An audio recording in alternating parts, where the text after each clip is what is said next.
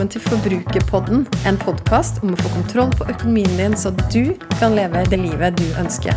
Jeg heter Kjersti Grønseth, er trebarnsmor og økonom, og er kanskje aller best kjent som forbrukerfrue. La oss snakke litt om forbruk, for alt starter med det.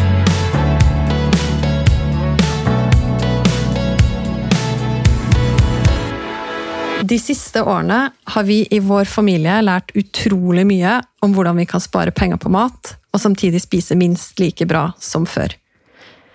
Noe av det viktigste vi har gjort, er å planlegge middagene og bli rå på å bruke det vi har tilgjengelig av ingredienser, og selvfølgelig også bruke opp rester. I ukemenyen vår har vi introdusert flere og flere kjøttfrie middager. Og når vi bytter ut proteinene med noe som koster, ofte koster under halvparten per kilo, sier det seg sjøl at vi sparer penger. En av de aller første kokebøkene som ga oss masse inspirasjon og hjalp oss å finne kjøttfrie alternativ som smakte fantastisk, og som i tillegg var ganske billige, var sykt godt, skrevet av Mari Hult, også kjent for å stå bak vegetarbloggen.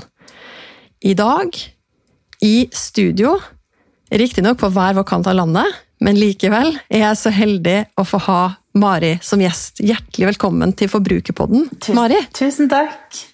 Gøy å få være med. Du, det er så stas å ha deg her. Du sitter i Stavanger, jeg sitter i Oslo.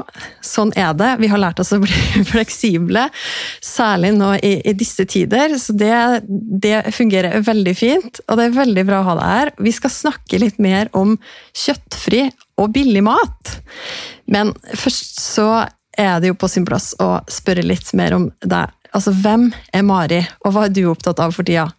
Ja, um, jeg holder på med veganmat. Jeg har blogga om det i snart ti år. Um, og på vegetarbloggen.no har jeg skrevet noen bøker. Mye rundt å holde kurs og foredrag. Um, og det jeg er opptatt av, er jo ikke at alle i verden skal bli veganere, men jeg har lyst til å gjøre det enklere for folk å velge god veganmat som ikke koster så mye, som ikke er så vanskelig å lage, som smaker veldig bra. Um, fordi at jeg tror skikkelig mange familier har lyst til å velge et par kjøttfrie måltider i uken, minst. Og, og det bør ikke være så vanskelig å få til. Så jeg er her for å hjelpe de. Det er ja, det viktigste for meg. Det er helt fantastisk, Mario, og det her tar meg på en måte rett tilbake da, til november 2018. Da var jeg ganske fersk blogger, du hadde holdt på en stund. Men da hadde vi i vår familie jeg tror vi hadde, vi kalte det en veggesuke. Og da testa vi ut noen av oppskriftene fra den ene boka di. Og jeg posta en story på Instagram med jeg tror det var pasta med grønnkåloppskriften din. Og det var seriøst noe av det aller beste jeg har smakt noen gang. Og jeg husker også hvordan barna kasta seg over den sprøstekte grønnkålen da den kom ut av ovnen. Altså, Den boka di den lånte jo jeg på biblioteket. Det er veldig økonomisk. første sparetips. Mm -hmm. Men du har jo faktisk solgt er det over 9000 bøker av Sykt godt? Ja, det stemmer det. Og så har den blitt gitt ut i Tyskland, så det var vanvittig gøy. Så det har gått en del tusen der òg. Ja, vet du hva? Det her jeg lurt litt på, Mari. Er det sånn at har du, har du, et spesielt forhold til Tyskland? For jeg har jo lagt merke til at du, du har gitt ut på et forlag i Tyskland, og det er helt fantastisk. Ja, det er utrolig gøy. Du, um, jeg skulle gjerne sagt ja. Jeg, altså, jeg, har vært i Berlin et par ganger, og elsker det. Men for å være helt ærlig, så var det de som kom til meg, da. Og jeg sa jo selvfølgelig ja.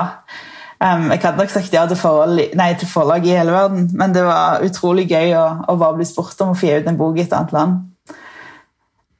Ja, Det er jo helt fantastisk. Ja, og jeg, altså, Hvem kan, kan skryte av det? Jeg kan, jeg kan telle til, til, fire, og så kan jeg ja og nei, og så kan jeg bestille taxi. Um, men det, det holdt. Uh, og jeg forstår at de har gjort en god jobb. Jeg får mye skrøyt av oversettelsen av tyske venner. Så det er bare nikker jeg og takker, og så får de tro hva de vil. Ja, det er helt rått.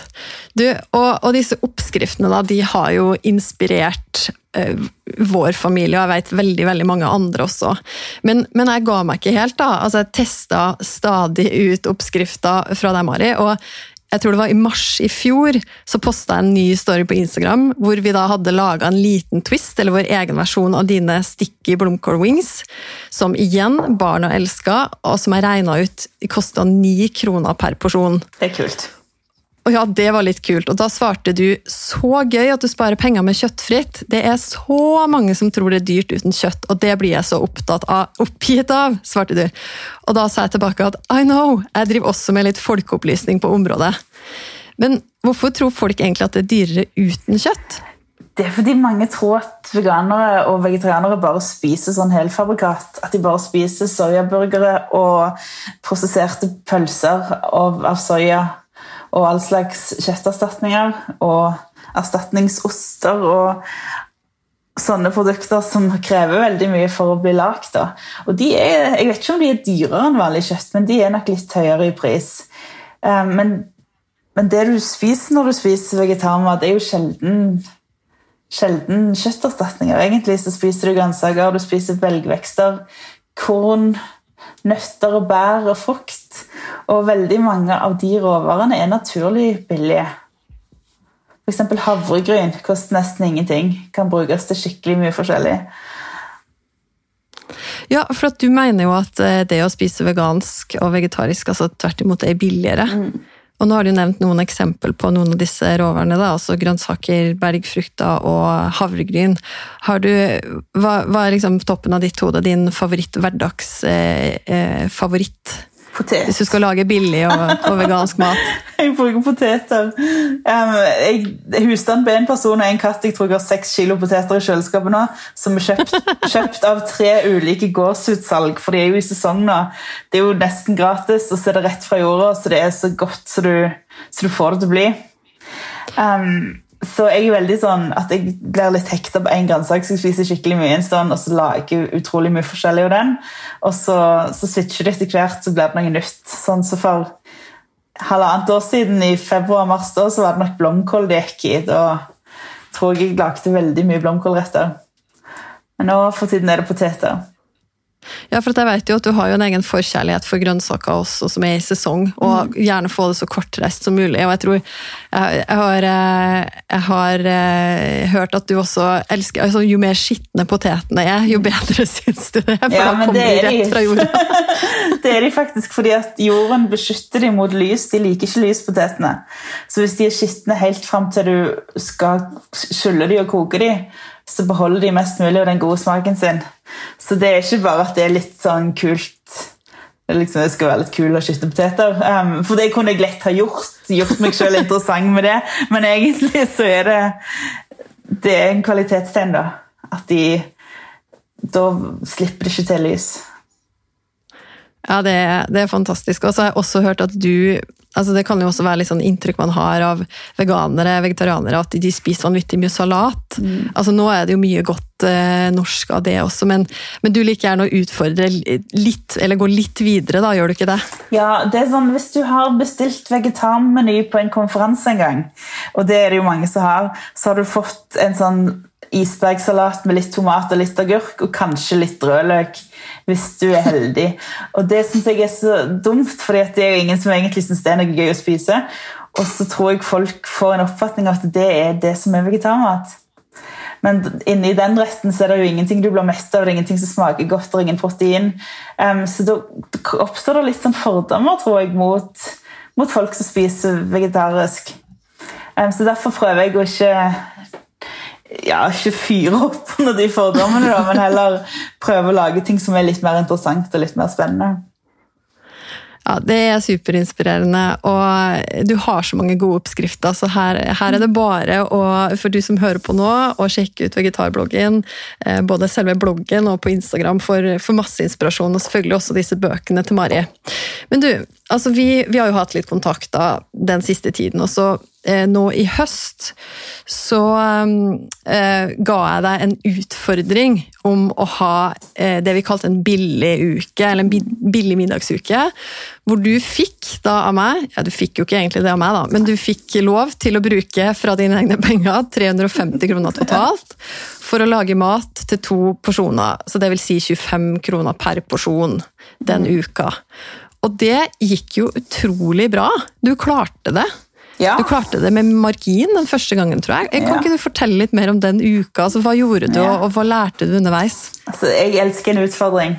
Og jeg har en sånn teori om at innen mat, hvis du gjør begrensninger, så blir det mer spennende, for da må du da spesialiserer du deg, og da har du større muligheter for for komme på de skikkelig gode tingene.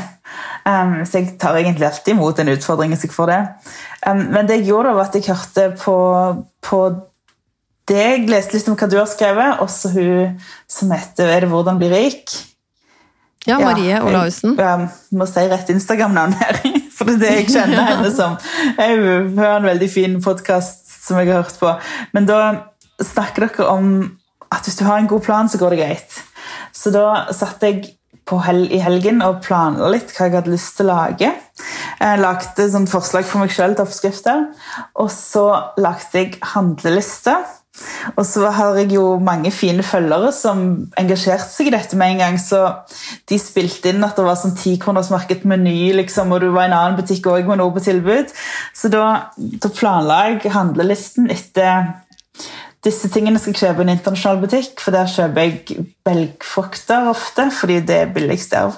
Tørka kikerter, tørka linser ris og litt tørrvarer. Og så dro jeg til Helge Meny og kjøpte det de hadde på tikronersmarkedet. Og så til slutt så dro jeg til Kiwi for å kjøpe grønnsakene som jeg ikke hadde fått tak i allerede. da. Så det ble tre butikker, men det tok meg ikke mer enn en time. Og når jeg var på Kiwi, så lurte de på om jeg ville ha pose. Det trengte jeg egentlig, for jeg hadde glemt å ta med bærenett. Men da, da sa jeg nei, du må vente, for vi må skanne inn alt og se om jeg holder meg unna. Så kan jeg heller kjøpe den posen hvis det går. Um, Men det gikk jo da, så hadde jeg regna feil òg, så da var det ganske mye penger igjen. Um, Men det var liksom med handlelister som du holder deg til. og Jeg skulle jo vise deg kvitteringene, så jeg kunne ikke jukse. Um, og, og den der planleggingen, det var veldig greit å gjøre. Og da, hver dag de neste syv dagene så visste jeg hva jeg skulle ha til middag.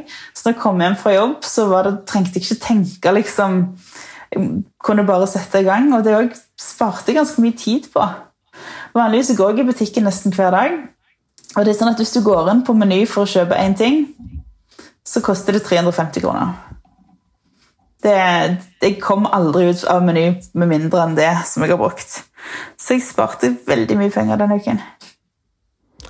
Ja, det, er jo, eh, det var helt utrolig kult å følge med på. For at du tok jo, det gikk jo all in. da, Du satt jo, og du posta jo nettet underveis på Instagram, så både jeg og, og alle sammen kunne følge med. Og det var liksom, Du bygde det opp utrolig spennende òg, fra da planleggingen. Og utrolig god magefølelse vil jeg si, på hvor du skulle havne hen. For du klarte jo det da, du hadde jo god margin, som du sa. Men, men kjempegøy. Og det skapte jo også ganske mye engasjement. Både på, på min konto, der det er litt sånn at jeg tror jo jeg kanskje har mange av de følgerne som er litt sånn eh, Hva skal vi kalle oss? Fleksitarianere? Som ikke nødvendigvis har valgt en sånn full kjøttfri retning, men som, som tenker at ja, men det kan jeg teste ut et par retter i uka, eller sånn. Og, og det å få helt sånn konkret inspirasjon da, til utrolig digg mat, som også koster ganske lite, det, det var bare skikkelig gøy. Ja, det er gøy. Og jeg fikk utrolig mange fine meldinger og kommentarer. og det jeg hadde lyst til å gjøre det om igjen med en gang, fordi folk ble så engasjert. og Det var mye mer engasjement enn når jeg gjør andre ting. Så det var virkelig noe som traff. Og så tenkte jeg først at dette kanskje sånn, det var jo i august, kanskje det er en studenttema, at det er studenter som har lyst til å spare penger på mat, men det var egentlig ikke det i det hele tatt. Det var helt vanlige folk, sånn som meg og deg, og studenter og folk ja, i alle slags aldersgrupper, egentlig. Og jeg tror ikke de bare er interessert i liksom å handle på tilbud og finne de beste kuppene, men litt mer sånn hvordan du kan tenke rundt det å spise billig. Eh, om produkter som alltid er rimelige, eksempel, så du kanskje ikke tenker, om, tenker over. Og det, det følte jeg vi fikk fram ganske godt. Ja, for det var jo nettopp noen av altså Du har jo nevnt allerede det med planleggingen, og hvor viktig det var. Og også, også det der med som høres veldig enkelt ut, men det å skrive handleliste og faktisk holde seg til Ja. den i butikken, men det, det er jo noe av det viktigste, som jeg vil si for min del òg. De gangene jeg klarer det, så da, da går det jo greit, da. Da holder jeg meg jo på en måte innenfor det jeg har tenkt å bruke på mat. Det er helt spesielt. Ja, og det er litt sånn det med planleggingen og det med at det faktisk sparer tid også, er jo noe som er veldig kjærkomment i hverdagen. Så jeg tenkte litt på det med at nå så er det jo en del snakk om at matvareprisene også har økt litt. Og da, da er det jo kanskje spesielt god timing da, for å finne nettopp de rettene som du sier, som det, der det handler om å bruke de råvarene som kanskje er billige i seg sjøl, men, mm. men, samtidig utrolig gode. Ja. Og da er det lurt å følge med på sesonger. Um, ting er rimelige når det er sesong, og det beste synes jeg alltid er å kjøpe norsk. For det, det, handler litt om å putte pengene tilbake i vårt eget land og støtte norske bønder, som leverer, leverer veldig bra. Men, mm. men, selvfølgelig, hvis du slipper transportkostnaden fra Brasil og, og sett at ingen har kommet inn med penger fordi at de pga. avtaler og fiksing og sånn, at hvis du kun tenker på hva det koster, så selvfølgelig er det billigere å kjøpe noe som ikke har reist i ti dager på en stor båt. Mm. Så det er liksom Ja, litt sånn samfunnsøkonomi i det. Men òg hvis du bare tenker fornuftig, så, så er det en del å spare. Du, det er bra. Og Altså, du sa jo det sjøl, du ble veldig gira på det her med billiguke. Så noen uker seinere så skulle du da ha ny, eh, ny billiguke. Samme utfordring, samme sum. Men da var det fokus på det som vi begge nå da kaller inventarsjekken. Ja. Nemlig det å gå gjennom det du har tilgjengelig av ingredienser ja. før du setter opp meny og handleliste. Jeg hadde nesten alt. Du hadde jo det, for at du hadde satt opp meny. Og så hadde du funnet hva du hadde, og hva du da trengte. Og så ba du meg regne på hvor mye de ingrediensene faktisk kosta, for da var det kanskje da var det jo ikke kvitteringene som skulle summere seg, men, men, da var det jo faktisk forbruk av de ingrediensene til det enkelte rett. Mm. Og det virka som du var litt spent på om du skulle klare det. For du hadde jo ikke helt full oversikt over Nei, hva rettene kosta. Det var magefølelse. det var kun magefølelse. Så nå får dere litt sånn behind the scenes her, da. Fordi at du la inn i Du, du hadde alle ingrediensene, og så hadde du lagt inn det i et ark. Eh, og så hadde du skrevet at du hadde tatt med en mango-chutney, men hvis det ikke var nok penger til den, så kunne du lage en eplechutney med epler fra hagen i stedet. Så, og så regna jeg på det, og uten chutneyen så landa den menyen på 349 kroner. Det er en magefølelse. det var jo helt, jeg trodde jo du tulte. Um, det var litt sånn for godt til å være sant, men da ja, det var jo helt utrolig. Og så, og så, lurte jo du fælt på hva du skulle bruke den siste krona på, da. Ja. Og så kom du til butikken. Og der hadde de hodekål til salgs for to kroner kiloen. um, og det Ja, da fant sto jeg og akkurat som sånn verdens gjerrigste person og lette etter det minste hodekålet, sånn jeg skulle ah, ja. få et på et halvt kilo. da. Um, så det ble ekstra Det ble vel stekt ekstra til taco på fredagen. Det er fantastisk. Ja, altså. så, så, du har vist da i løpet av den testen her at du har lagd to eh, billige menyer som da har kosta 25 mm. kroner per porsjon. Og, men du Mari, du har jo hjulpet meg å spare penger på mat. Men jeg veit, du har jo sagt til meg at du også plukka opp noen tips fra meg. Ja, ja Og du har jo blant annet eh, gjort noen framstøt overfor banken din. Kan ikke du fortelle litt om det? Ja, um, det er jo dette med alt som går på boliglån og forsikring og pensjon og sånn. Det er akkurat så latin for meg. Liksom. Jeg forstår det bare ikke. Jeg har en veldig veldig grei bankmann, så jeg har fulgt han når han har skifta jobb. For han jeg vet at han har liksom forstått litt hva jeg holder på med. Men så Renten går jo opp og ned. det er sånn Jeg går aldri inn i nettbanken og sjekker det. Og så var det etter du hadde hatt en eller annen sending der du snakket om de, så tenkte jeg ja, jeg skal gå inn og se hva Og så syns jeg det egentlig var litt i høyeste laget. Og så måtte jeg jo manne meg opp og si ifra til han at jeg ville gjerne ha lavere rente. Og da skrev jeg en e-post der jeg gjorde meg så dum som jeg aldri har gjort meg før. Um, sånn at det ikke skulle bli gjøre det ubehagelig for han på noen som helst måte. For jeg var så redd liksom at han skulle at, ja, at det skulle bli dårlig stemning mellom oss, for jeg er veldig glad i han.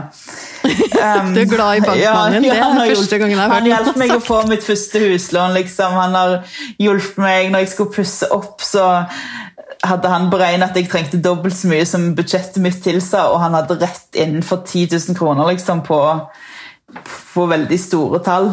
Så han har liksom stilt opp, da. Så jeg vil ikke lage litt dårlig stemning. Men jeg, han svarte meg jo med en gang 'Å, så dumt du er ikke fornøyd med renten din. Selvfølgelig skal vi gjøre noe med dette.' Og så sa han at jeg skulle få svar i løpet av uken, og så fikk jeg svar samme dag der han hadde satt den ned sånn at jeg fikk ca. 2000 kroner mer å til meg i måneden. 2000 kroner mer i måneden? Mm. Det er jo helt rått. Ja, det er så. Og det tok deg ikke lang tid og masse energi? Masse Nei, det? Kanskje nei, litt altså, jeg energi? måtte jo manne meg opp, da. Jeg kvinner meg opp. Det, altså, jeg- det var jo sånn at når jeg trykte send, så lukte jeg PC-en ned. Jeg torde ikke å se, men, men det gikk jo veldig fint. Um, det var jo ikke noe stress i det hele tatt. Og så Dette var jo også rett før korona, og da satte jo ned renten ytterligere ganske kjapt. Så nå har jeg veldig mye mer penger i måneden å rutte med. Så, så du, altså det er jo mange, altså jeg føler jo jeg maser om det her hele tida, da, at folk må sjekke renta, og det er jo faktisk eh, Jeg spurte for ikke så veldig lenge siden, eh, så ja, så har jeg snakka med flere som nå har sagt at eh, akkurat nå for tida, når eh, renta er så lav, så bør man ikke akseptere så veldig mye lavere rente, eller høyere rente enn 1,5 Eh, Og så spurte jeg på min Instagram om eh, de som da hadde høyere rente enn 1,5 nå, eller 1,55 tror jeg det var effektiv rente, om det var fordi at de ikke hadde sjekka, eller om det var fordi at de visste at de ikke kunne få høyere. Og da var det nesten halvparten som sa at de ikke hadde sjekka renta. Og da ble jeg litt sånn, ok, men da må vi fortsette å mase om det, da. Så til Ja. og med i denne episoden her, som egentlig handler om å spise billig Ja. mat, så maser vi om det? det med å sjekke renta. Nei, men jeg tenker at Din historie der også, den er jo litt sånn representativ for flere. for at du, du kommer litt, Av og til så kommer man litt med lua i hånda når det gjelder overfor banken, og så lurer man på om man egentlig kan spørre om det. Men så viser det seg at ofte så har de jo en del å gå på. Og det er jo gratis penger, liksom. Det er gratis penger. Ja. Tenk på alt det gøye du kan bruke er de 2000 ekstra kronene på. Så dette er jo litt sånn Det er positivt og veldig negativt samtidig, men pga. deg så har jeg begynt å lage en bufferkonto. Så nå går Oi. de rett inn på den, da. Så jeg får ikke gjøre noen ting gøy for de pengene. De går inn i en, en egen konto i nettbanken som heter bufferkonto. Wow. Ja, så Der står de og flirer. Så der har du faktisk to tips, eh, kjære lytter, fra selveste vegetarbloggen og Mari Hult når det gjelder økonomi. Du skal sjekke renta på boliglånet ditt, du som har det, og så skal du sette opp en bufferkonto som en sparekonto som skal redde deg på en regnværsdag. Det er helt fantastisk, eh, Mari. Og, men igjen, da. Tilbake til temaet og det vi snakker om å spise, spise billig. Og tilbake også til den kommentaren eh, fra høsten 2018 om at du blir så oppgitt av at folk tror det er dyrere med kjøttfritt. Altså, den satte litt grilla i hodet på meg.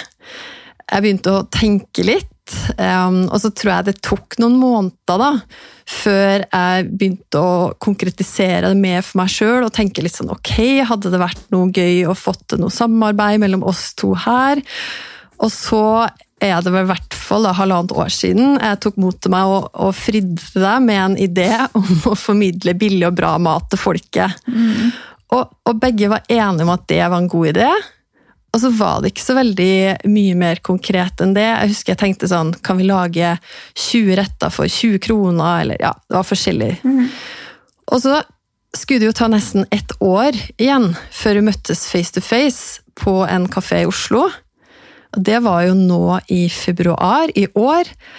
Og da eh, hadde jeg forberedt en ny pitch. Ja, du grudde deg litt. Jeg grudde meg litt. Ja. Men jeg, jeg tror det tok ikke så lang tid uti den samtalen og kaffen vår før jeg, før jeg kasta meg uti det og sa noe sånt som det her at Mari, eh, du vet jo at jeg elsker bøkene dine. Og du har jo sykt godt, du har sykt enkelt, og du mangler egentlig bare sykt billig. Hva tenkte du da? Ja, det som var litt sånn, Hvis vi spoler tilbake til dette ved februar, sa du. Så i, i september året før så hadde jeg og han på forlaget mitt begynt å planlegge å lage en ny bok. um, som egentlig ikke skulle handle om billigmat i det hele tatt. Um, det var en sånn litt sånn koko idé jeg hadde om noe annet. Men så i løpet av høsten, så når vi jobbet med den, så ble jeg veldig interessert faktisk i billige oppskrifter. da. Um, så etter hvert så spurte vi resten av forlaget hva vil dere ha. Vil dere ha denne gøyale boken som vi egentlig har snakka om, eller vil dere ha en billig bok? Og de var jo egentlig gira på billigboken. Um, og så jobbet vi litt sånn med et konsept, en idé. Og så tenkte jeg men jeg har jo en person som vi må ha med på dette her, som bor i Oslo, dette Kjersti. Så vi må spørre, vi må spørre henne om hun kan være med og gi det litt sånn faglig dybde og stolthet. Og ja, hjelpe oss med det økonomiske, egentlig. Og jeg visste jo du var interessert i mat, og vi hadde snakket om å jobbe sammen. Så da sendte jeg, neste gang jeg skulle til Oslo, som da blir i februar, så sendte jeg en melding til deg tror jeg, om nå skal jeg endelig reise, passer det møtes. Um, og da hadde jeg egentlig fått avklart fra forlaget at jeg skulle spørre om du ville være med å lage en bok som jeg hadde tenkt at skulle hete Sykt villig. Dette er helt sant. Så vi hadde, meg og deg hadde forberedt samme pitch til et møte. Um, begge to ville lage den boken. Um, så jeg var jo så glad. Jeg var så redd, Idet jeg forsto hva du ville, så var jeg så redd at du hadde en avtale med et forlag allerede, at vi måtte si nei til noen. Men det hadde du heldigvis ikke, og Frisk var liksom De var gira, så det var veldig kjekt. Det, det var det, og det var litt sånn for min del så var det litt sånn klyp meg i armen-øyeblikk. fordi at jeg har jo beundra deg lenge, som jo alle som hører på nå, skjønner. Og uh, vært så inspirert og, og ser skikkelig opp til deg. Og så satt vi der. Jeg hadde på en måte, ja, kvinna meg opp, jeg også skikkelig. Men så satt vi der egentlig og hadde samme idé. Ja, det er. Det er litt sånn you can't make this up, men uh, det, det, var veldig gøy. Men hva skjedde etter det, da? Ja, Da ble jo, kom dette viruset for Kina. Og da ble jo Norge stengt ned egentlig før vi hadde kommet i gang. For det vi snakket om, var vel at du skulle til Stavanger med familien tror jeg, på ferie i påsken. At, mm. kunne, at, du kunne jobbe litt sammen da, jobbe med forlaget. Jeg er veldig glad i en sånn prosess at alle på en måte er i samme rom og blir enige om de samme tingene. Og at vi, vi jobber sammen først, før vi går liksom hver til oss og jobber videre. Eh, så det ble jo veldig vanskelig. Men vi starta jo med disse digitale møterommene. Og vi var innom en del ideer, en del konsepter. Det er jo to helt forskjellige profiler vi har, da, så å prøve å finne Ikke finne ut hva som er gøyest for oss, men hva som er best for leseren, tror jeg. Hvordan, hvordan kan en forbruker få mest mulig nytte av denne, av denne boken? Og det syns jeg jo at vi har fått til ganske godt med, med konsept og disposisjon og alt. Og det er veldig kult. For det er Jeg har lagd oppskrifter siden august i fjor. Har jeg jobba med oppskrifter. Jeg begynte før jeg tok kontakt med forlaget, så det er masse ideer jeg har hatt lenge som jeg ikke har gjort før. Um, for ting blir liksom litt til i hodet mitt med mat, og så etter hvert så kommer det ned på papiret, og så blir det testa og fotografert til slutt. Um, så det har vært kjekt å på en måte få hekta de på skikkelige knagger. da. Og, og få litt sånn forklart Ja. få forklart hva det er som skal til for å spille spise billig. Ja, for det blir jo bok, Mari. Vi har, vi, vi har skrevet Vi holder, på, vi holder ja. på å skrive en bok. Det blir en bok. Ja. Det var kanskje det jeg skulle sagt med en gang, men ja, det ble en bok. Det, det ble en veldig kul bok. Um, med, med minst 80 oppskrifter fra meg. Um, og vanvittig godt økonomistoff fra deg, og en del ting det som overlapper, som er begge to, som er egentlig det beste av alt. Synes jeg. Så Tanken er at i den boken så skal du lære alt du trenger å vite om å spise billig. Fra du liksom Fra du er hjemme før du går i butikken, lenge før du går i butikken. Um, og det for det er, liksom, det er oppskrifter på billig mat, men det, det gøyeste er jo at du, du kommer inn i et sånt tankesett om hvordan du kan gå fram for å ikke bruke så mye penger på mat. Og det er liksom når du kommer inn i det, så sitter det liksom. Jeg har holdt på med det sjøl noen uker nå. Og, og det er sånne gode, gode, rutiner som man kan få inn. Um, så jeg, du har jo skrevet masse godt forbrukerstoff som alle kan bruke. Du trenger ikke være vegetarianer liksom, for å bruke det der. Ja, og jeg vil si altså de oppskriftene dine også. Man trenger ikke å være vegetarianer for å på en måte omfavne de heller. For her er det Altså, jeg har jo prøvelagd, prøvesmakt, mm. også noen av de. Og det er jo rett og slett bare vanvittig god mat. Og jeg vil også si familievennlig mat. Mm. Og ja. Nei, jeg gleder meg. Ja, Det er kult. Jeg har en venninne som tester en del oppskrifter for meg. Hun har tre gutter på hva er det, fem, ti og tolv. Um, og det, det, går ned hos de òg. Det er veldig gøy. Så å teste det på barnefamilier har vært Ja, det har vært veldig kjekt. Kjempegøy. Og ja, det er fortsatt litt sånn klyp meg i armen for min del. Og hvis du hadde spurt meg for eh, jeg vet ikke, bare et år siden da, mm. om jeg noen gang skulle være med å gi ut en kokebok, ja. Mari. det er kult. Ja, men samme, at... samme, for meg. Hvis jeg hadde gått til en bankmann og sagt Hei, du Hvis jeg skulle gi ut en økonomibok, så hadde jo han falt av stolen sin. og lurt på hvem i alle dager som ville gi ut den. Så jeg gleder meg til å sende den til ham. da. Han må få en kopi. Vi får signere den begge to. ja. Nei, så det ble en veldig gøy bok, tror jeg. Um, ja, Det blir veldig gøy. Vi ja. kommer til å rett og slett avsløre litt Jeg tror ikke vi skal si så veldig mye mer akkurat nå, for nå har vi, nå vi snakka litt om eh, at ja. Eh, vi, har, vi, har, på en måte avslørt den store nyheten mm. som vi har gått og holdt litt hemmelig en, en god stund. Veldig lenge. Og så skal vi jo dryppe dryppe, dryppe det her litt og litt og litt utover høsten. Ja, Vi er jo ikke helt i mål med alt. i det hele tatt. Nei. Vi har ganske mye arbeid igjen. Så, mm. så når, vi, jeg tenker når vi er 100% sikre på ting, så kan vi fortelle det. Mm. Sånn ingen går og gleder seg, og så, så, så forsvant delen ideen. Eller Ja. Ikke sant? Veldig bra. Så, men da, kjære lytter, nå har du altså både i denne episoden her fått med deg masse konkrete og bra tips fra Mari. Du har fått vite litt mer om hva hun har lært eh, om å spise billig i høst, også hvilke økonomiske grep hun har tatt, ikke minst. Og så har du altså fått vite at Mari Hult og Kjersti Grønseth skriver en bok sammen som kommer på et tidspunkt vi skal avsløre litt seinere. Ja, nå må vi vite 100 ganz sicher. Så det er egentlig bare å begynne å glede seg. Og vi skal lande denne episoden her nå, men uh, tusen takk, Mari, for at du deler, for at du inspirerer med oppskriftene dine, men også med den du er, og det du står for. Jeg digger deg, det vet du, uh, og syns det er kjempegøy å jobbe sammen med deg. Og alle de som hører på denne episoden her, igjen, dere må bare sjekke ut Mari på Instagram, vegetarbloggen og og selvfølgelig selveste bloggen. Så igjen, tusen hjertelig takk for at du var med, Mari. Takk for at jeg fikk være med. Det har vært veldig gøy. Veldig, veldig gøy, og Jeg kunne jo sagt alle de fine ordene tilbake til deg. Du har æren for at jeg har fått mye mer glede i å jobbe med økonomien min. Og det er gøy.